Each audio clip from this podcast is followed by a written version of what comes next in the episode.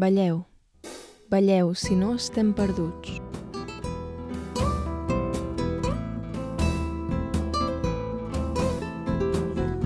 Soc la Zucena Moya i avui parlem de dansa. Benvingudes i benvinguts al tercer capítol de Cafè Mula, un capítol que estrena noves seccions i que obre pas aquest 2022, que sembla estar carregat de dansa. A més a més, ja hem definit imatge i disseny gràfic per al podcast, gràcies a la Maria Zamora. Així doncs, sembla que tot està a punt per començar aquest primer mes de l'any amb dansa.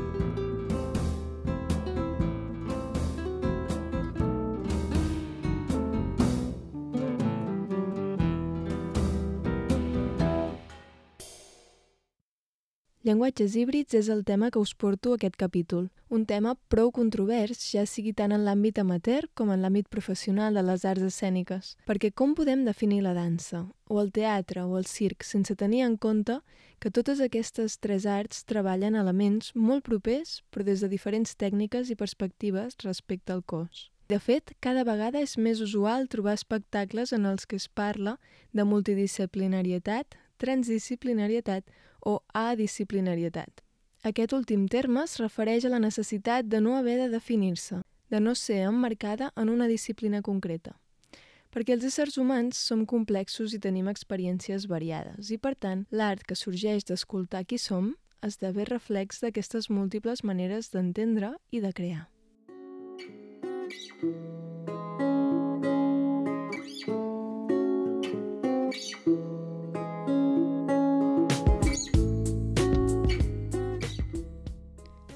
La frase que obre el podcast és de l'artista alemana Pina Bausch, un dels màxims referents de la dansa contemporània europea. A la web de dansa.es la descriuen com una prolífica ballarina i coreògrafa.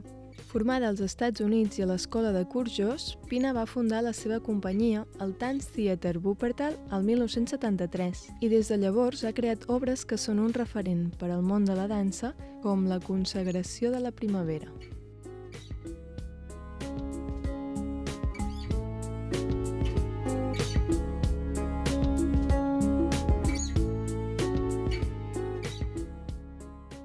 Altres peces del Tanz Theater Wuppertal que han fet història són Café Mula, que dona nom al nostre podcast, creada el 1978. Com a curiositat, us diré que apareix a la pel·lícula Hable con ella, d'Almodóvar. També entre les més conegudes es troben Walter, 1982, Two Cigarettes in the Dark, el 85, Danzon, el 95, i de les més recents, Rough Cut, el 2005. L'impacte de Pina segueix vigent en l'actualitat, el coreògraf belga Alain Platel va crear Out of Context for Pina, una peça que va arribar al Festival Temporada Alta de Girona el 2017 fent un subtil homenatge a Pina i al seu concepte de la dansa-teatre. Un altre exemple actual és la ballarina Cristina Morganti, que va formar part de la companyia del Dance Theater Wuppertal. Morganti va portar el 2018 la peça Moving with Pina al Festival Temporada Alta de Girona, aquest artista va fer una conferència ballada sobre la seva experiència creant amb el Tanz Theater Wuppertal. Una altra referència curiosa és l'actor Paco León, que va publicar al seu compte de Twitter un vídeo d'ell mateix ballant, en el qual citava la famosa frase «Balleu, balleu, si no estem perduts», de Pina Bausch.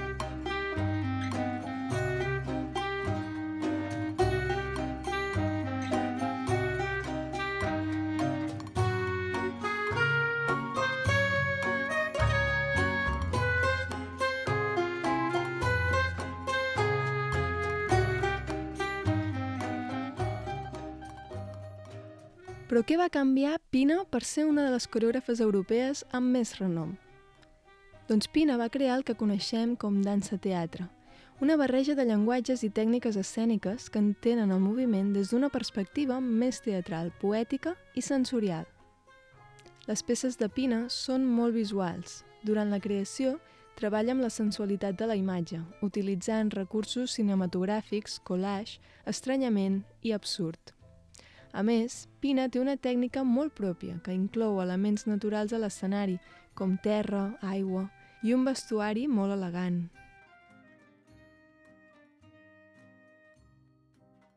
Per conèixer bé els orígens de la dansa-teatre necessitem visitar el context històric i polític d'aquesta expressió artística. Al llibre Teatre, dansa, tradicions i llibertats, l'autora Susanne Schlicher, perdoneu la meva pronúncia alemana, anomena l'hora zero el punt de ruptura que va canviar la relació del folklore alemany amb el públic, ja que la cultura tradicional alemanya estava vinculada al discurs feixista. A partir d'aquí, es va restablir de manera lenta i gradual una recuperació del folklore alemany. Així, entenem que el teatre dansa va marcar una renovació, una renovació de la tradició cultural a Alemanya, però també una renovació estètica que buscava altres formes d'expressar-se ja que la consciència política era molt present a l'escena alemana i és a partir dels anys 60 quan el teatre dansa esdevé reflex d'una experimentació que buscava parlar de la humanitat d'una forma directa i crua, com el Living Theater, el teatre de la crueltat d'Artaud o el teatre de Bertolt Brecht.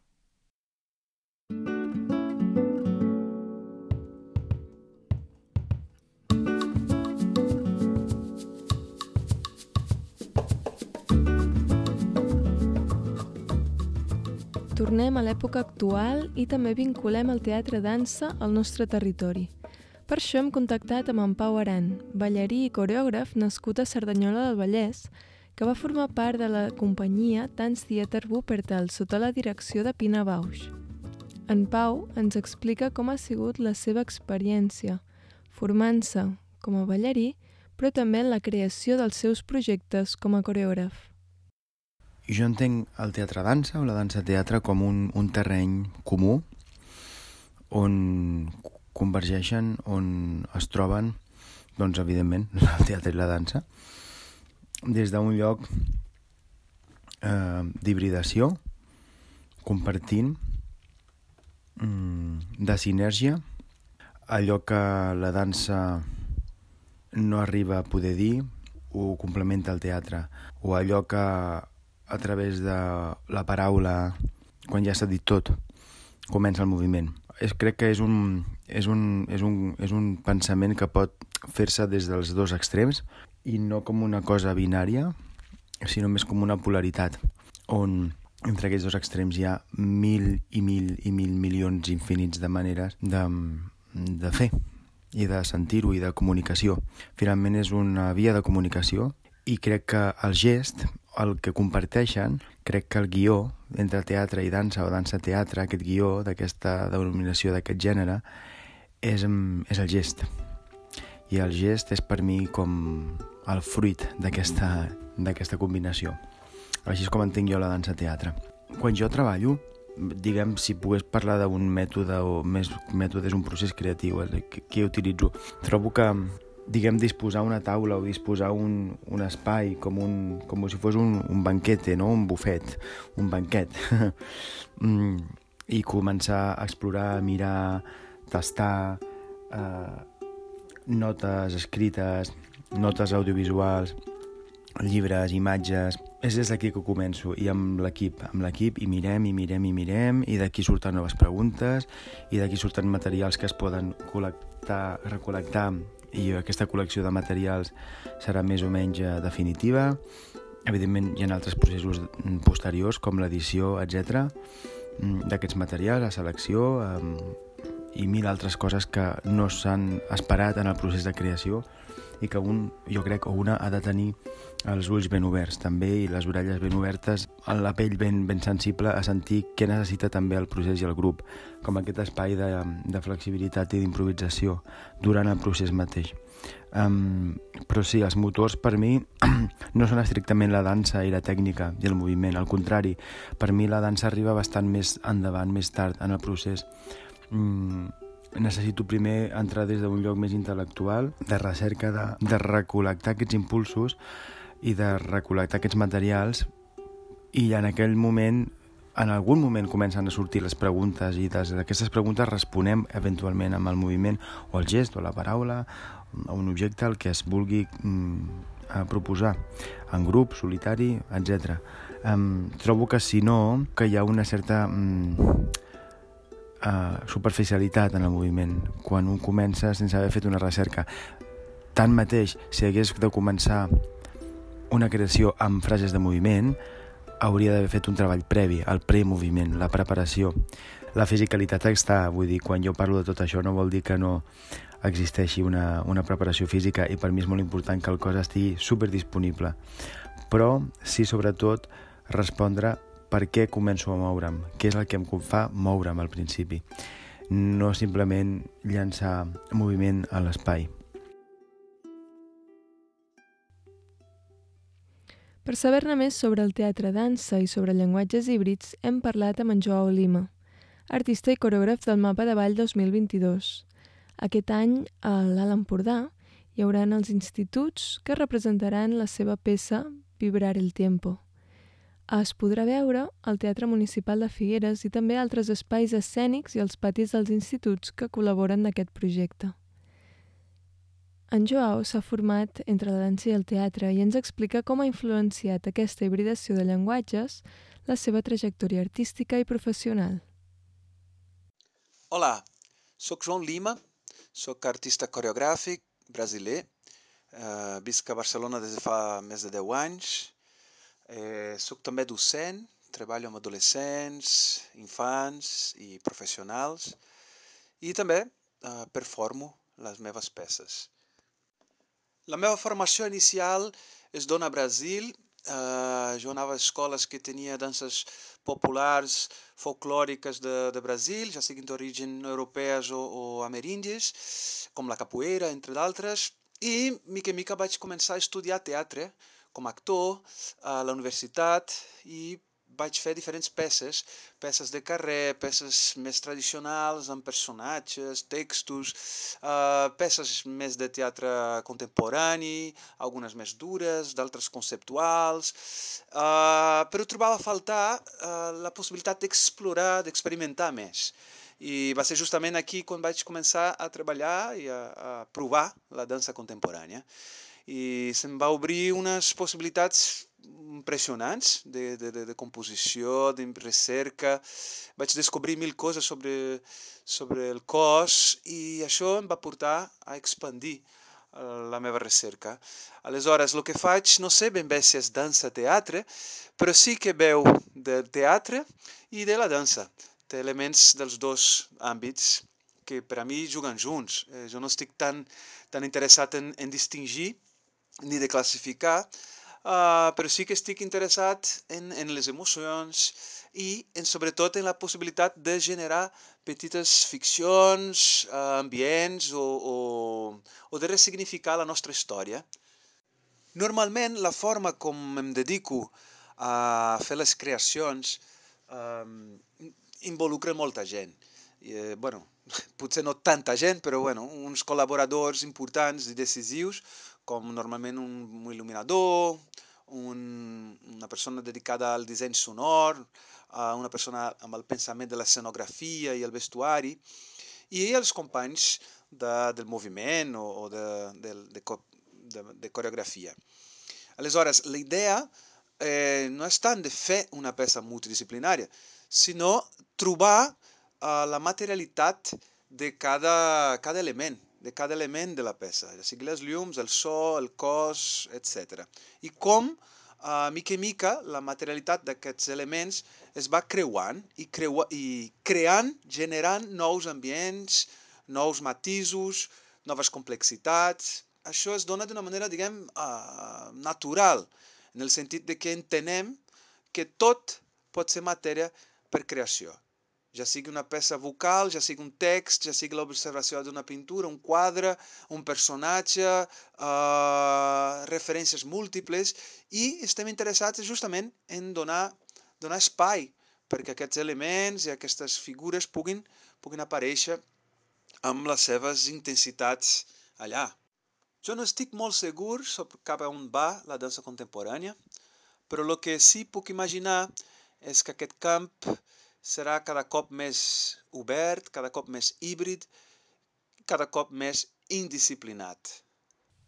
I per comptar amb una experiència més localitzada, hem preguntat a la Georgina Vilés Sarriàs, artista formada com a ballarina a l'Institut del Teatre, sobre la seva col·laboració amb el projecte Ingenu, que han estat escollits enguany a la Fira Tàrrega dins del suport de creació.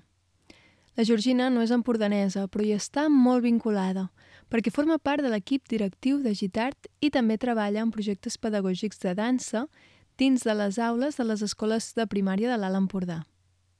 Doncs les, les creacions en projecte en geno normalment són bastant, bastant, bastant divertides. Eh, el que fem és, és provar coses, no? xerrar molt, comentar, debatir, proposar idees i, i de manera conjunta i col·lectiva es, es, es proven, tant siguin coses um, de moviment, siguin coses de text, siguin coses de veu. Um, anem creant aquestes petites escenes que um, en un primer moment no, no tenen gaire sentit, però que venen d'alguna idea sobre l'espectacle i a partir d'aquí anem jugant. Llavors, les disciplines sempre es barregen, um, sí que és veritat que comencem sempre doncs, uh, paral·lelament, no? treballant o només una cosa o només l'altra, però a partir d'aquí anem desenvolupant les escenes i, i anem jugant, no? I com que cada intèrpret, cada mm, persona de l'equip té perfils diferents, inquietuds diferents, um, coneixements diferents, sempre anem com compartint aquest lideratge um, generalment durant, durant tot el procés creatiu perquè juguem des de, des de dins, no és que estiguem des de fora dirigint i, i creant una coreografia o, o el que sigui, no? Agafes aquest equip de persones i els hi llences una idea um, que normalment per part meva és, és coreogràfica, és física, no? I elles l'agafen sense dubtar i, i a partir d'aquí es crea aquest espai col·lectiu, de creació col·lectiva, de compartir i de portar.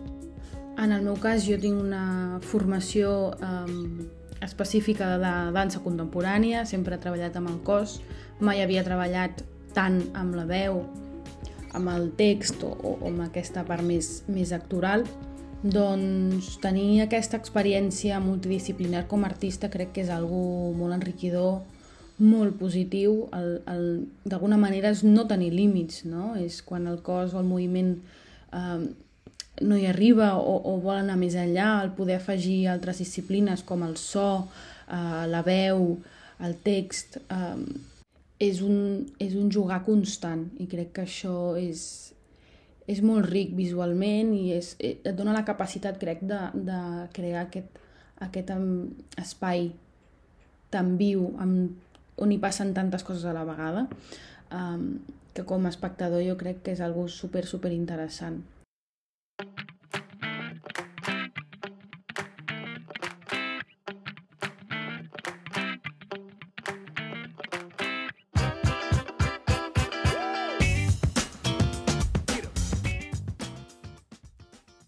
Avui estrenem secció. He sortit al carrer i he preguntat a diferents persones què és per tu la dansa. I aquestes són les seves respostes. La dansa és un joc. Para mí la danza es la expresión del cuerpo. La dansa és una connexió amb el cos i el moviment que et permet anar a llocs que, que no hi ha cap altra manera de fer-ho. La dansa és una interrogació. És fràgil, però alhora és resistent. La dansa és un camp plural, divers, polifònic, impermanent. Per mi, què és la dansa? Jo, és que no voldria caure en, en la mítica, però em salva, em dóna alegria, no sé. És que és moltes coses.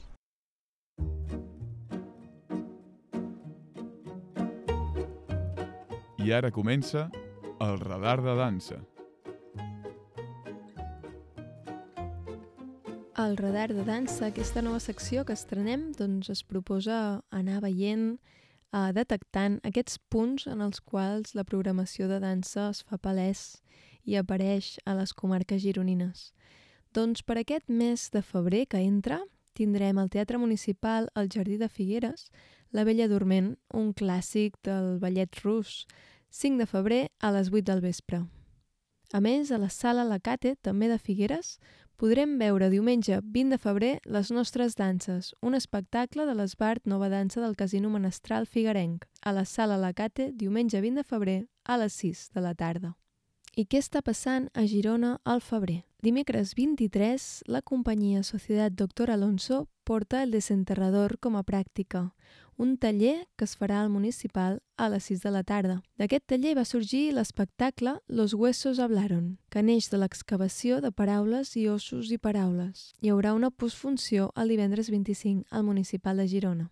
A Palamós veiem que s'estrenen dues peces de l'escola Cobosmica, Becoming i Ghost. Podreu veure-les el 18 de febrer a dos quarts de nou al Teatre La Gorga de Palamós. I per finalitzar, la programació d'Olot del Teatre Principal ens porta diumenge 13 de febrer a les 5 de la tarda una proposta solidària. Torna al Dansem Garrotxa. És la cita anual de totes les escoles i col·lectius que fan dansa a Olot i a la comarca, organitzat per Càritas Garrotxa. I fins aquí el capítol de Cafè Mula Parlem de dansa. Ens escoltem el mes vinent.